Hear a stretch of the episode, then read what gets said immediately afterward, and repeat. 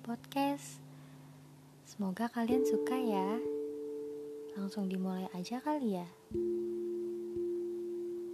Jadi gini, kalian pernah gak sih merasakan quarter life crisis?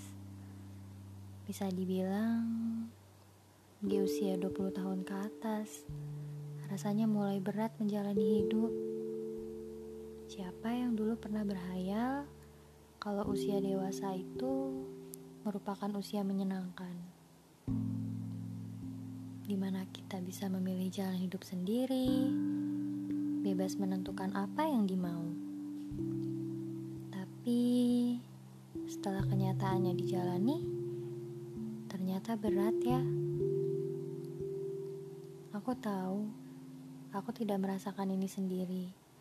Mungkin orang lain sudah merasakannya, dan mereka bisa melewati itu. Sekarang, aku yang sedang merasakan itu. Akhir-akhir ini, aku merasa bahwa banyak sekali hal yang membuat pikiranku rumit. Perihal karir, finansial, relationship, dan masih banyak lagi. Sekarang kenapa banyak sekali orang dewasa yang mencoba untuk bertahan hidup.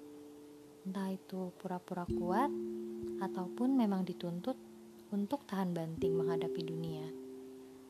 Andai waktu bisa diputar kembali, aku ingin memperlambat waktu sampai aku siap untuk menghadapi dunia orang dewasa. Semoga kita semua diberi kekuatan dalam segala hal baik ya.